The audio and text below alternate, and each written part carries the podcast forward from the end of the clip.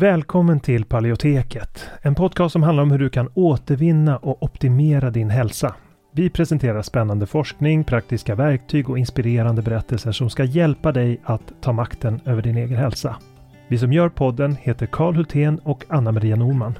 En bristande maghälsa kan ge symptom i helt andra delar av kroppen. Det är något som många tyvärr inte känner till trots att mer än en miljon svenskar har IBS idag. Alltså problem med magen. Och tyvärr är magproblem i de flesta fall inkörsporten till annan ohälsa. Det kan vara inflammation, diffusa symptom, allergier eller autoimmun sjukdom. Och för att möta den här trenden av växande behov så har vi utvecklat kursen Maghälsa på djupet. Där vi går på djupet med att vända dålig maghälsa som SIBO och IBS. Och det här är viktiga delar av kursen som vi talar om och den senaste forskningen på de områdena. Och vi djupdyker i vad forskningen säger om de senaste naturliga terapiformerna, kostmetoder, kosttillskott, probiotika och så vidare. Och kursen den kickar igång fredagen den 3 maj och har fyra olika faser och tre frågestunder live. Och dessutom har vi olika resurser och guider att ladda ner från kursplattformen. Så du kommer få lära dig allt om hur du kan använda kosten som en väg till läkning, när, var och hur, hur du kan använda olika kosttillskott och probiotika. Och om du redan är medlem i Hälsodetektiverna så får du som vanligt en rabatt på allt vi gör, så även den här kursen. Och den här kursen tror vi är en perfekt väg för dig mot en bättre maghälsa där du inte bara får lära dig ett metodiskt tillvägagångssätt för att minska dina symptom utan också förstå de underliggande orsakerna. För att läsa mer om kursen och anmäla dig till den går in på paleoteket.se och klickar på utbildning. Eller klicka dig vidare från länkarna i podcastbeskrivningen. Så varmt välkommen till Maghälsa på djupet. Vi ses där när kursen startar, den 3 maj. Innan vi kör igång med dagens tema vill jag påminna om att den här podcasten har ett utbildande syfte och inte utgör medicinsk rådgivning. Nu kör vi!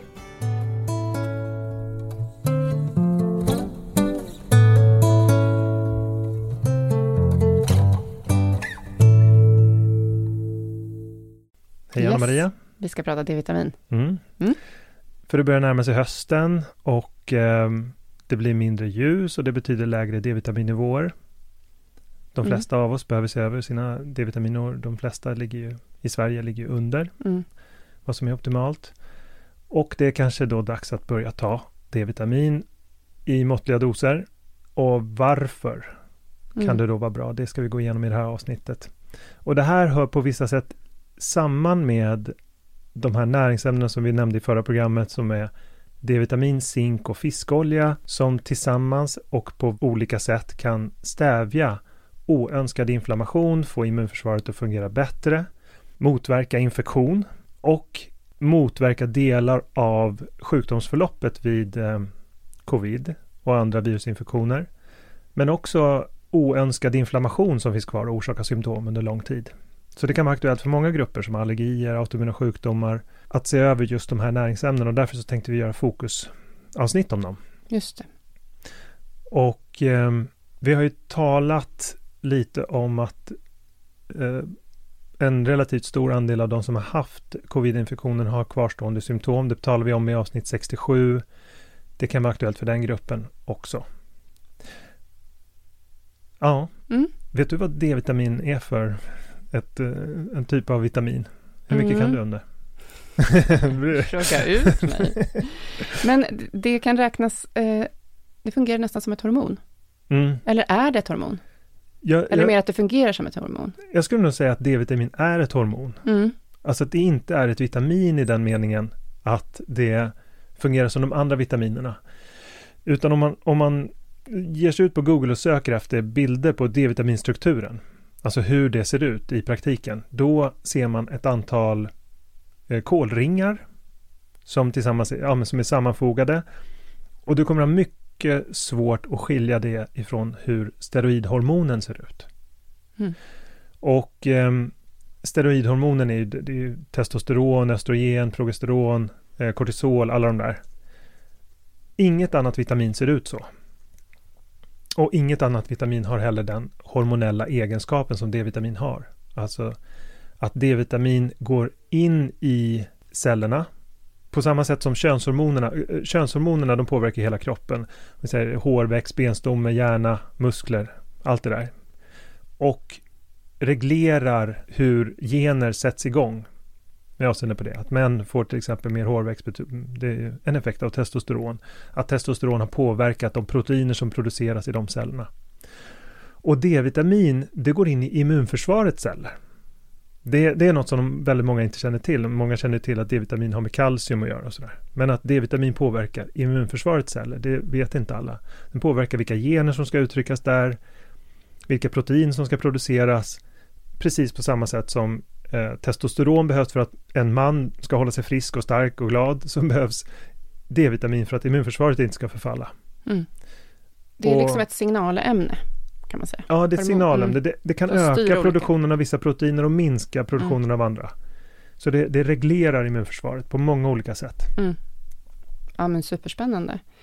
Um, och uh, jag tänkte bara innan vi går in lite mer på D-vitamin så, så nämnde vi ju i avsnittet, avsnitt 67, som, där vi pratade om kvarstående symptom efter covid. Uh, där nämnde vi att du hade lite låga D-vitamin D-vitamin, gud jag kan inte säga ordet, D-vitaminnivåer mm. efter covid. Ja, just det. Um, jag hade ju det. Och ja. vi, vi, kan komma in lite på vad det kan bero på. Men, um, men jag gjorde ett experiment där. Um, mm. Och det här är väl inget som jag skulle rekommendera. Det är väl lite av ett, det är ett experiment. Men det jag gjorde var att köpa ett eh, solarium och eh, så köpte jag speciella rör ner från Tyskland, sådana som eh, försöker efterlikna solljuset med att ha en stor andel UVB-strålning, som är den våglängd som får kolesterolet i huden att ombildas till D-vitamin. Och jag gjorde ett försök där jag låg, jag låg under, var det 74 eller något sånt där? Jag låg under optimalt. Trots att jag tog D-vitamin eh, så låg jag under normalt. Och jag lyckades med hjälp av det där solariet då få upp nivån till 80 sju om jag inte minns fel. Alltså det, det höjdes men det, det, var ju sporadisk användning och jag, mm. det var inte något bra vetenskapligt. Det var försöket. under vintern dock så det var helt beckmörkt ute. Det var ute. inte något UV-ljus utomhus. Och, så det fungerade att höja D-vitaminnivån helt utan tillskott. Mm.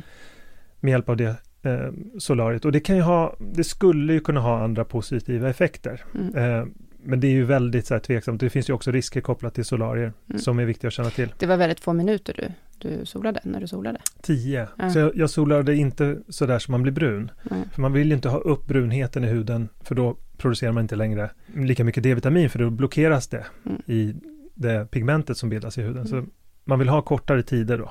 Mm, men nu blev det här lite kuriosa ja. eftersom det inte blev någon riktigt uh, studie på dig där. Ja, men det, det, det var ett lyckat försök ändå. Ja. Mm. Men jag fick ju inte upp de nivåerna i optimala nivåer. Nej. Så att uh, jag skulle behöva göra en vända till och kanske vara lite mer systematisk där nästa ja. gång. Yes, men, men, det, är inte de, det är inte det vi kommer rekommendera på slutet eh, riktigt, för det, det får vi Nej, det låta forskningen ta några steg till när det gäller det kanske. Ja, det här mm. finns ju ingen forskning. Den forskning som finns visar att det finns en korrelation med hudcancer. Mm. Eh, och den, men det är ju på användning i och med att det skulle vara oetiskt att göra det med tanke på att man eh, kan det här sambandet, mm. så har man gjort det på personer som redan solar solarium mm. och studerat. Men de personerna solar ju mycket, mycket mer. Mm. En längre tid. de solar för att bli bruna och där finns det ett samband. Och det är också solarier som inte har de här strålarna som ger eh, D-vitamin. Mm. Så att eh, de rören får man ju köpa ner från Tyskland då, som sagt. Men ja, nog, nog om det. Um, Ska vi, ska vi tala lite om det? Mm. Först gå in på hur D-vitamin kan skydda mot luftvägsinfektioner. Ja, men jag tänker det. Alltså för det, vi, vi är ju i den här coronatiden eh, och det blir extra intressant. Finns det några studier som säger någonting om ja, luftvägsinfektioner alltså det... generellt? Vi nämnde ju en i våran podd eh, nummer 56 i början av coronatiden, mm. när det bara var 200 fall i Sverige, när vi gick igenom olika näringsämnen som skulle kunna hjälpa till att mm. minska risken och då kan man ehm. hoppas att kanske någon lyssnar på det och började ta lite det. Ja, men precis. Och då så gick du igenom och nämnde då en studie, en metaanalys, som sammanväger evidensläget som gjordes då 2017. Mm. Och styrkan med den där typen av studier är ju att där sammanvägs en lång rad kliniska studier. Eh, en lång rad studier, så det blir väldigt, väldigt stor styrka i det, den typen av evidens. Och det visade entydigt att luftvägsinfektioner kan man skydda sig mot med hjälp av D-vitamin. Mm. Eh, det, det, minskar risken för det helt enkelt. Och nu börjar också komma studier som visar att många personer som kommer in till sjukhusen med covid också har brist på D-vitamin. Det, mm. det vet vi. Och att när sjukdomen fortskrider så klarar sig också de personerna sämre. Det vet vi också. Men att det orsakssambandet där, det, det, det fastställer ju såklart inget orsakssamband, men man kan i alla fall misstänka att det finns ett samband. Och vi vet ju också till exempel att de här grupperna som är allra mest eh, utsatta, de som får eh, ett allvarligare förlopp och som drabbas hårdare, det är framförallt äldre som har lågt D-vitamin väldigt ofta och mörkhyade som också har generellt lägre D-vitamin än genomsnittet mm. i Sverige. De här två grupperna, alltså personer och, um, som är äldre än 75 och personer som inte är mörkhyade, tror jag inte att de skriver på Livsmedelsverket, jo, utan de säger de som de. är täckta, de, täckta de, ansikte. Ja, precis, de skriver inte det i klartext. Det, mm. det, och det är ju, ja, Livsmedelsverket gick ut med ett pressmeddelande som jag läste, det är snart ett år sedan kan det vara. Jag kommer inte ihåg exakt, men där gick de ut väldigt tydligt och sa att eh, personer över 75 behöver ta D-vitamintillskott. Mm. Men, eh, och där sa de ju också då att det här med att eh, personer som är täckta på olika sätt, det de menade är att mörkhyade har sämre D-vitamin. Men där var de så vanliga. alla mörkhyade inte täckta, inte täckta ansikten, Nej. så det blir ju jättefel. Nej, det blir ju fel. Ja, Men, och sen blir det också fel, och det här är liksom, det går, det, samma misstag uppstår ju från deras sida gång efter gång efter gång och inte bara de utan även Folkhälsomyndigheten att helt missa vad människor själva kan göra med hjälp av kosten. Träning, livsstil, att förbättra sin kost kan minska risken för covid, att D-vitamin kan göra det, allting som man kan göra själv har mm. man helt blankat på. Mm. struntar man i. Det kan man verkligen kritisera att de mm. inte har tagit sitt ansvar där, utan att mm. de eh, istället enbart bara sätter allas hopp till vaccinet. Men det var en, en nyhet ganska nyligen som jag, eh, där har vi inte tittat på de här studierna, men där kändes det så här, nej, det här är ju inte sant. Nu kommer vi lite på avvägar här, men det, mm. det handlade om metabol ohälsa, för det har vi pratat om, eller skrivit om i alla fall, som en riskfaktor. Och det vet ju alla, det är en riskfaktor ja. vid covid. Men då visade det sig, visade den här studien att eh, även personer då som, att det inte ger lika bra effekt, att vaccinet inte ger lika bra effekt heller. Nej. på personer med Men man skjuter sig själv i foten när man, när man inte tar upp det uppenbara att att vara frisk och stark gör att man klarar infektioner bättre. Mm. Och det kan människor påverka. Ja. Och i det här pressmeddelandet pratar man också om att det pågår forskning om det här med D-vitamin och att det inte finns veten, tillräckligt vetenskapligt stöd för att D-vitamin påverkar risken för covid och sådär, skriver man. Mm. Och jag håller med om att underlaget är inte tillräckligt och det finns studier som talar emot. Vi kommer gå igenom dem. Men de rekommendationer som man utmynnar i, alltså att ta sådana små doser, som är jätte, jättesmå doser, alltså 10 mikrogram, 20 mikrogram, mm. det är inte ens i närheten av vad den europeiska livsmedelssäkerhetsmyndigheten säger är den övre gränsen. Den övre gränsen är ju 100 mm. för vuxna. Eh, så där igen, man, eh, Men vänta, nu försöker... den övre gränsen, pratar du om 100 vadå? 100? Mikrogram. Okej, det är så svårt när man blandar Fy, i E. Och ja, 4000 enheter. 4000 är den övre gränsen enligt? Ja, i Europeiska livsmedelssäkerhetsmyndigheten, ah, okay. EFSA. Mm. Och då rekommenderar de på Livsmedelsverket 800 gram till äldre. Nej, 800 enheter till äldre. Mm. Ja, men det är att skjuta bredvid målet. Det finns ingen anledning att hålla tillbaka så när, när riskerna när, när, man, när det finns tydliga studier, vi kan, vi kan ju gå igenom de studierna. Det ska vi absolut göra. Um, det, ska vi börja med den som visade att det inte fanns något samband eh, med, alltså det handlade, nu, nu pratar vi om behandling, nu pratar vi inte om förebyggande väl, utan eh, prata om hur man kan använda D-vitamin vid behandling av Ja, om vi ska börja med det då. Ja, vi börjar med det. Jo, för eh, det är lite svagt fortfarande och det behövs definitivt fler studier det var en studie från Italien som inte hittade något samband mellan D-vitamin och covidutfall. Men det finns andra studier från Indien, Brasilien och Spanien där studier på covidpatienter som behandlas med D-vitamin faktiskt drar nytta av det. Och den spanska studien är väl den som är mest lovande där och som vi refererar förstås som vanligt. Eh, och där såg man att behovet av intensivvård bland de här covidpatienterna gick från omkring 50% till 2% i interventionsgruppen som alltså fick behandling med D-vitamin. sa du, behovet av intensivvård minskade så mycket alltså? Från 50 till mm. 2 procent. Så det personer som, kan, som kanske var inlagda på sjukhus men inte behövde, då minskade man risken för att ja. gå över till intensivvård. Mm. Och ingen av de patienterna dog heller, som fick D-vitaminterapin. Medan men, 18 procent av patienterna i kontrollgruppen dog. Oj, oj. Och det är en liten studie och så, men effektstorleken här var ju ganska imponerande. Och det finns också en annan studie från Spanien där 76 patienter som hamnat på sjukhus med covid kunde få hjälp av D-vitamintillskott och minska risken för, intensiv, eh, för intensivvård signifikant. Mm. Jag tänker att i de här studierna så använder man säkert ganska höga doser av D-vitamin va? Ja. Alltså, eller i de här behandlingarna. Ja, det är eh, lite speciellt. Det är läkare som gör det och så där, det är kontrollerat. Och så. Men hur stärker D-vitamin försvaret mot virus egentligen och förebygger att man drabbas hårt? Ja, man kan säga att den aktiva formen av D-vitamin, det binder in till väldigt många olika immunceller. Alltså inklusive de vita blodkroppar som monocyter, makrofager och dendritiska celler som en del av det eh, medfödda försvaret. Men det binder också in till B och T-celler eh, och påverkar deras funktion. Som en del av det adaptiva. Ja. Men framförallt eh, så binder D-vitamin in till lungornas epitelceller. Så, och lungorna är den här barriären, vi gick igenom lite av det i förra avsnittet, att det är en väldigt viktig barriär mot virus. Och hos de här cellerna så ökar D-vitaminproduktionen av försvarsproteiner, alltså antimikrobiella peptider och defensiner. Och eh, de här antimikrobiella peptider, de bryter ner bakterier och virus kan man säga. Alltså även den här kapseln som coronavirus har exempelvis. Och defensiner, de ökar andra immuncellers förmåga att ta sig fram till området för att hjälpa till. Mm. Så om vi nu bara stannar upp här lite grann. Eh, D-vitamin binder in till immuncellerna mm. och påverkar också då lungornas epitelceller. Är det här den här hormonella effekten som vi har pratat om? Ja, början? precis. Det är att de binder in till D-vitaminreceptorn som är en transkriptionsfaktor som då får eh, som sätter igång produktionen av, aktiverar de här generna som mm. kodar för eh, defensiner. Det här behöver vi inte förstå i detalj, de här stegen som du nu går igenom. Det blev helt plötsligt eh, lite komplicerat. Men, men alltså det, det, det är då att D-vitamin har en sån liksom, reglerande eller styrande effekt på det. Det är det som är det viktiga. Ja, det kan eh, man säga. Som ett hormon. hormon. Ja, det har en hormonell effekt som, som sätter igång försvarssystemen i lungorna mm. till exempel. Mm.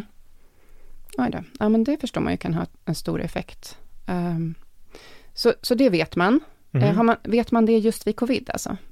Det som är kopplat till covid här kanske är delvis en annan effekt som D-vitamin också har. Mm. För eh, någonting som gör att man kan få ett väldigt allvarligt förlopp är den här så kallade cytokinstormen, att man får en väldigt översvallande inflammationskaskad i lungorna som, som gör att man inte tar upp syre längre. Och eh, det betyder att cytokiner, alltså hur cytokiner pro produceras i lungorna är väldigt avgörande. Och vid luftvägsinfektioner så har man sett att D-vitamin kan hämma en väldigt viktig central motor i inflammation som kallas för NF-kappa-beta. Och det är en transkriptionsfaktor som leder till att de här inflammerande cytokinerna bildas. TNF-alfa, interleukin 6 och många till de är delar av den här cytokinstormen. Så att vad D-vitamin kan göra det är att hämma själva ursprunget till eh, cytokinstormen kan man säga. Mm. Så det har alltså flera olika effekter parallellt. Så att det motverkar infektionen och det minskar risken för cytokinstorm och det bäddar också för lägre inflammation generellt sett genom frisättning, alltså att det aktiverar gener som är antiinflammatoriska kan man säga det är väl den roll man har sett som skulle kunna ligga bakom varför man såg en positiv effekt i de där studierna. Det är väl en, en hypotes. Mm. Just det, men jätteintressant. Um, men nu, om vi återkommer lite till det här som vi pratade om i början, att eh, du hade lägre D-vitaminnivåer ganska låga D-vitaminnivåer efter covid-19. Mm. Eh, vi har ju också fått in en kommentar från, eh, på förra avsnittet där, som kom in på Instagram, som gällde det här också. En annan person som har upptäckt samma sak och hon skriver jag har ätit D-vitamin i 15 år och mäter nivåer varje vår och vinter. Har alltid legat finfint. Men under och efter min covid i februari åt jag 10 000 till 15 000 internationella enheter, alltså mer än vad jag brukar, och mätte sedan i april och hade brist. Är det något som flera erfarit? Att mäta nu igen, tänkte jag efter sommaren. Mm. Mm. Ja, men det där är ett fenomen som man har observerat och som också har beskrivits i forskningen ganska väl. Alltså att nivån av D-vitamin, att den sjunker, det är den nivån som man då mäter.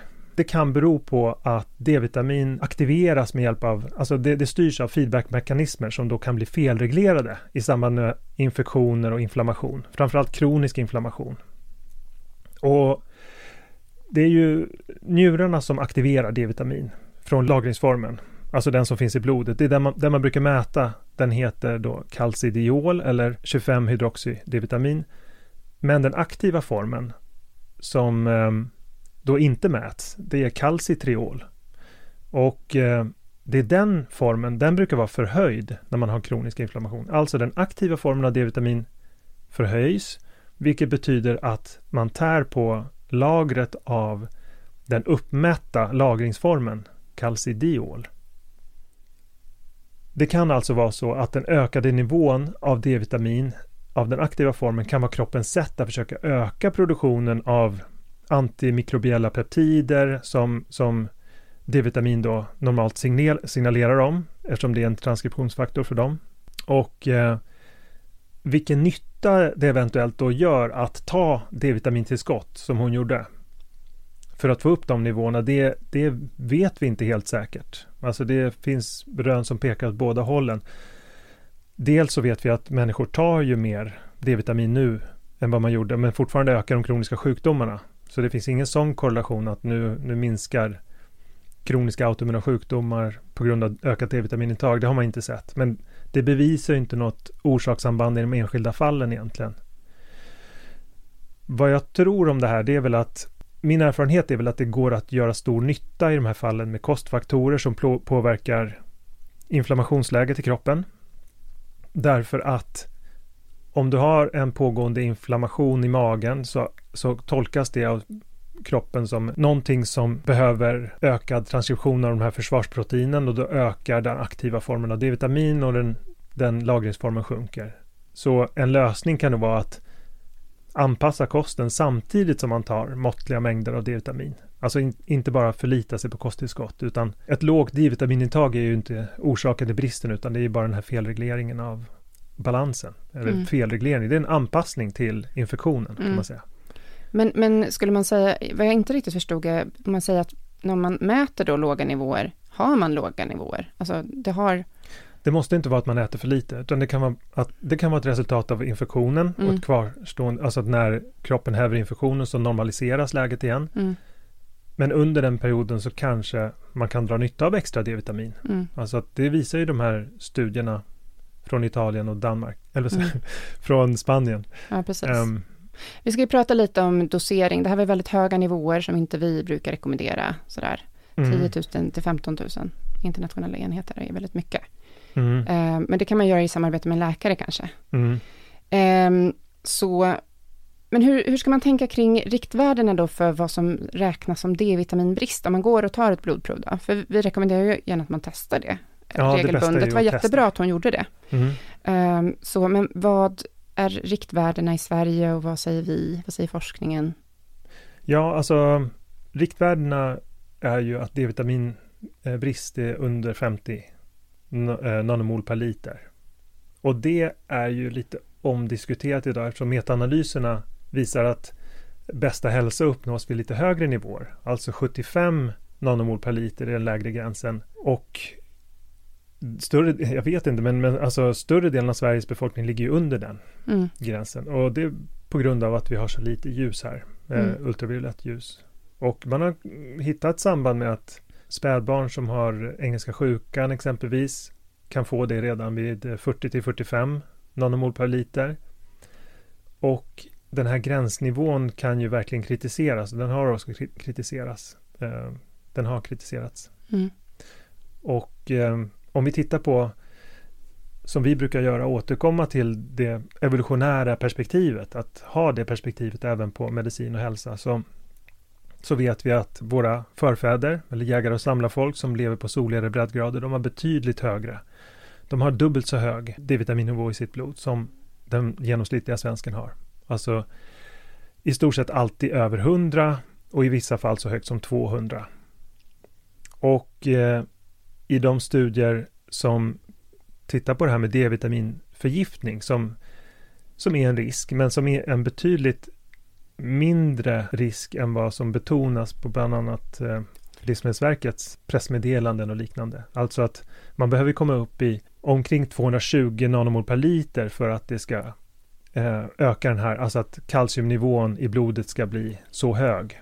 Det, det kan förstås vara så att D-vitamin orsakar ökade riskfaktorer om man ligger väldigt högt. Mm. Och då mm. kan det öka risken för hjärtattack och stroke och njursten och sådär. Men man måste ändå tänka att det, man måste skilja mellan de här äh, jägar och samlarbefolkningarna som har de här höga nivåerna för att de lever på soliga breddgrader. De har troligtvis inte ätit D-vitamintillskott. Nej. Det är ju en helt annan sak att äta det i koncentrerad form, än att få i sig det via solen, som är det bästa sättet att få i sig D-vitamin. Ja, så att precis. de kan ju inte få en förgiftning genom att de är ute mycket i solen, liksom, eller äter mycket fisk. Ja, men det går, jo, men det går att få lite för höga. Det finns mm. en ganska omtalad studie på israeliska badvakter som fick eh, som då får massor med sol på sig. Mm. Och som hade en ökad förekomst av njursten om jag inte minns fel. Mm. Men, eh, men att det, det, är viktigt att inte ha för liksom smalt perspektiv här. För att vi vet att solljus är kopplat till minskad risk för både kolorektal cancer, bröstcancer, prostatacancer. Alltså att få tillräckligt med sol. Det, det finns en omvänd korrelation med solljus. Mm. Framförallt när det gäller bröstcancer och eh, kolorektalcancer att solljus minskar risken för en lång rad olika cancertillstånd medan det, ökar, medan det som ökar risken för hudcancer är att bränna sig i solen. Mm, ja. att få en... och jag tänker det naturliga eh, för människor som lever i soliga, under, eh, soliga länder är ju att vara täckt, alltså mm. alltså kläder, tunna kläder på kroppen. Mm. Medan man i, i Norden, om vi åker, om solen skiner så vill vi klä av oss och då blir ju risken kanske att man bränner sig istället och ligger där länge. Ja, alltså det, det finns ju alltid en sån risk, men det finns inte heller det här sambandet som man skulle förvänta sig. Alltså att eh, till exempel ljushyade som flyttar till eh, sydligare breddgrader får högre förekomst av hudcancer. Så är det ju inte. Mm. Utan eh, jag menar, om du, om du ser på vita som bor i eh, Australien så har de inte högre förekomst av hudcancer än vad man har i Storbritannien. Okay. Så det är inte helt korrelerat med solljuset alla Nej. gånger. Nej. Men om man ska prata om vad som är rimliga nivåer att ta då? För det mm. första så är det väl främst under vinterhalvåret som man tar tillskott. Ja. Vi, vi, kommer komma in på massa andra sätt att få i sig D-vitamin. Det är ju verkligen inte bara kosttillskott. Det finns i mat också, vi kommer komma in på det. Men eh, också kan vi bara säga att Livsmedelsverket rekommenderade 800 internationella enheter till vuxna över 75 år och 400 internationella enheter till barn och vuxna som inte äter fisk. Mm. Um, och det är för de flesta inte tillräckligt för att få upp det i optimala nivåer. Därför bör man mäta mm. om man vill veta vad det faktiskt ger för effekt. Och det finns och, ju privata laboratorier som vi tipsar om på vår hemsida. Ja. Mm. I det här blogginlägget kan vi länka det också. Men att det är säkert att ta upp till max 4000. Men så mycket behöver de flesta inte ta, utan det bästa är att bara se efter vad man har. Mm. Tycker jag. Och i första hand se till att få det från solen. I andra hand försöka få det från mat, alltså fet fisk, äggula och lever och i tredje hand ta ett tillskott för att täcka upp eventuell brist. Just det. Och eh, en, liksom, ett kosttillskott som kanske är lite mellan mat och kosttillskott, det är ju fiskleverolja. Mm. För det är ju utvunnet direkt från fisk. Ja, det är väl det bästa ja. Eh, tillskottsformen egentligen. Precis, och där finns det också med andra näringsämnen, så det är ju det bästa. Eh, och där, men där blir det ju inte de här höga doserna om man behöver liksom under en period höja nivåerna. Nej. Så det är inte så mycket, man får äta väldigt mycket fiskleverolja då. Men om man säger att man äter fisk några gånger i veckan, man äter äggula, man äter lever och sen så äter man också då fiskleverolja. Så det är en väldigt bra grund. Mm. Och sen att man ser till att vara ute när det är ljust, under de månader det är ljust. Mm. Um, lite varje dag, så att man liksom lagrar, för det kan lagras, eller hur, i fettväven. Mm. Men uh, inte tillräckligt för att räcka till hela vintern. Nej, men precis. Det, det räcker till hösten. Men... Och sen så ska man mäta och då, om man ligger väldigt lågt, så är det ju bra att ta lite den högre spannet av, av den här dosen. Jo, precis. Um, Och om man är lite mindre person, om man är en liten kvinna, så kan man ju ta lite mindre. Om man är en stor man kan man ta lite mer. Ja, precis. Det anpassas ju till vad man har för nivåer. Ja. Och man kan sikta på mellan 75 och 125 nanomol per liter. Mm. Eh, anser jag att de flesta friska bör sikta på. Just det. Och om man har över 125 då behöver man kanske, då behöver man inte ta tillskott förstås. Nej. Då kan man sluta med det. Nej, men precis. Men sen så finns det ju också andra näringsämnen som bidrar till eh, D-vitamin. För det kan ju vara så att man tar kosttillskott men ändå har, fortsätter man ha låga nivåer. Mm. Och då kan det ju handla om vissa näringsämnen, till exempel magnesium, som ja. bidrar till bildningen och omsättningen av D-vitamin. Ja, just det. Och det får man i sig via gröna blad, avokado, banan. Men det finns också väldigt mycket bra kosttillskott. Ja, jag föredrar ju tillskott. Eh, ja. Men det, det, är lite beroende på vad man har för helhetskost där. Precis, man kanske inte vill äta supermycket banan. För det är väldigt mycket socker i det. ja, det blir det svårt. Och väldigt mm. mycket gröna blad, det vill man kanske inte heller äta för ja. mycket. Nej, men så att det finns bra kosttillskott gällande magnesium, så det kan vara ett bra tillskott om man då märker att man inte riktigt eh, ombildar kanske mm. eh, D-vitamin. Okej, nu ska vi sammanfatta lite vad vi har pratat om. Mm. D-vitamin är ett steroidhormon som reglerar immunförsvarets produktion av proteiner. D-vitamin minskar risken för luftvägsinfektion och kan minska risken för cytokinstorm och stävja långvarig inflammation. Tillräckligt med D-vitamin kan reglera immunförsvaret mot ett mer fördelaktigt immunsvar vid infektioner. D-vitamin är ofta lågt vid kronisk infektion, men det räcker ofta inte att bara ta D-vitamin för att komma till rätta med inflammation. Man måste göra andra saker också. Så att förbättra kosten och att ta D-vitamin samtidigt är ett bra första steg. Om det inte räcker kan man göra en fördjupad undersökning mm. och ta prover då. Yes. Mm. Bra. Då blir det kanske zink i nästa avsnitt då? Ja, nu tar vi och tar oss vidare i näringsämnestemat, helt mm. enkelt. Zink. Tack för idag. Tack. Tack så mycket för att du har lyssnat på det här avsnittet av Paleoteket. Vi hoppas att det har varit till nytta för dig. Om du vill få hjälp att uppnå dina hälsomål står vi redo att hjälpa dig. Vårt medlemskap Hälsodetektiverna är en gemenskap online där du träffar likasinnade, får hälsoinspiration hela året och kan ställa frågor direkt till oss på våra medlemsseminarier. Nu under våren startar också två onlinekurser. AIP Masterclass är kursen för dig som vill lära dig allt du behöver veta om kostupplägget AIP, autoimmunprotokoll, samtidigt som du blir guidad genom en stegvis process med både läkningsfas, utvärdering och återintroduktioner. Sen har vi kursen Maghälsa på djupet som riktar sig till dig med IBS och misstänkt eller konstaterad SIBO. Vi fokuserar helt på vad du kan göra med kost, livsstil och strategiskt utvalda kosttillskott. För dig som föredrar att läsa finns också våra fyra böcker.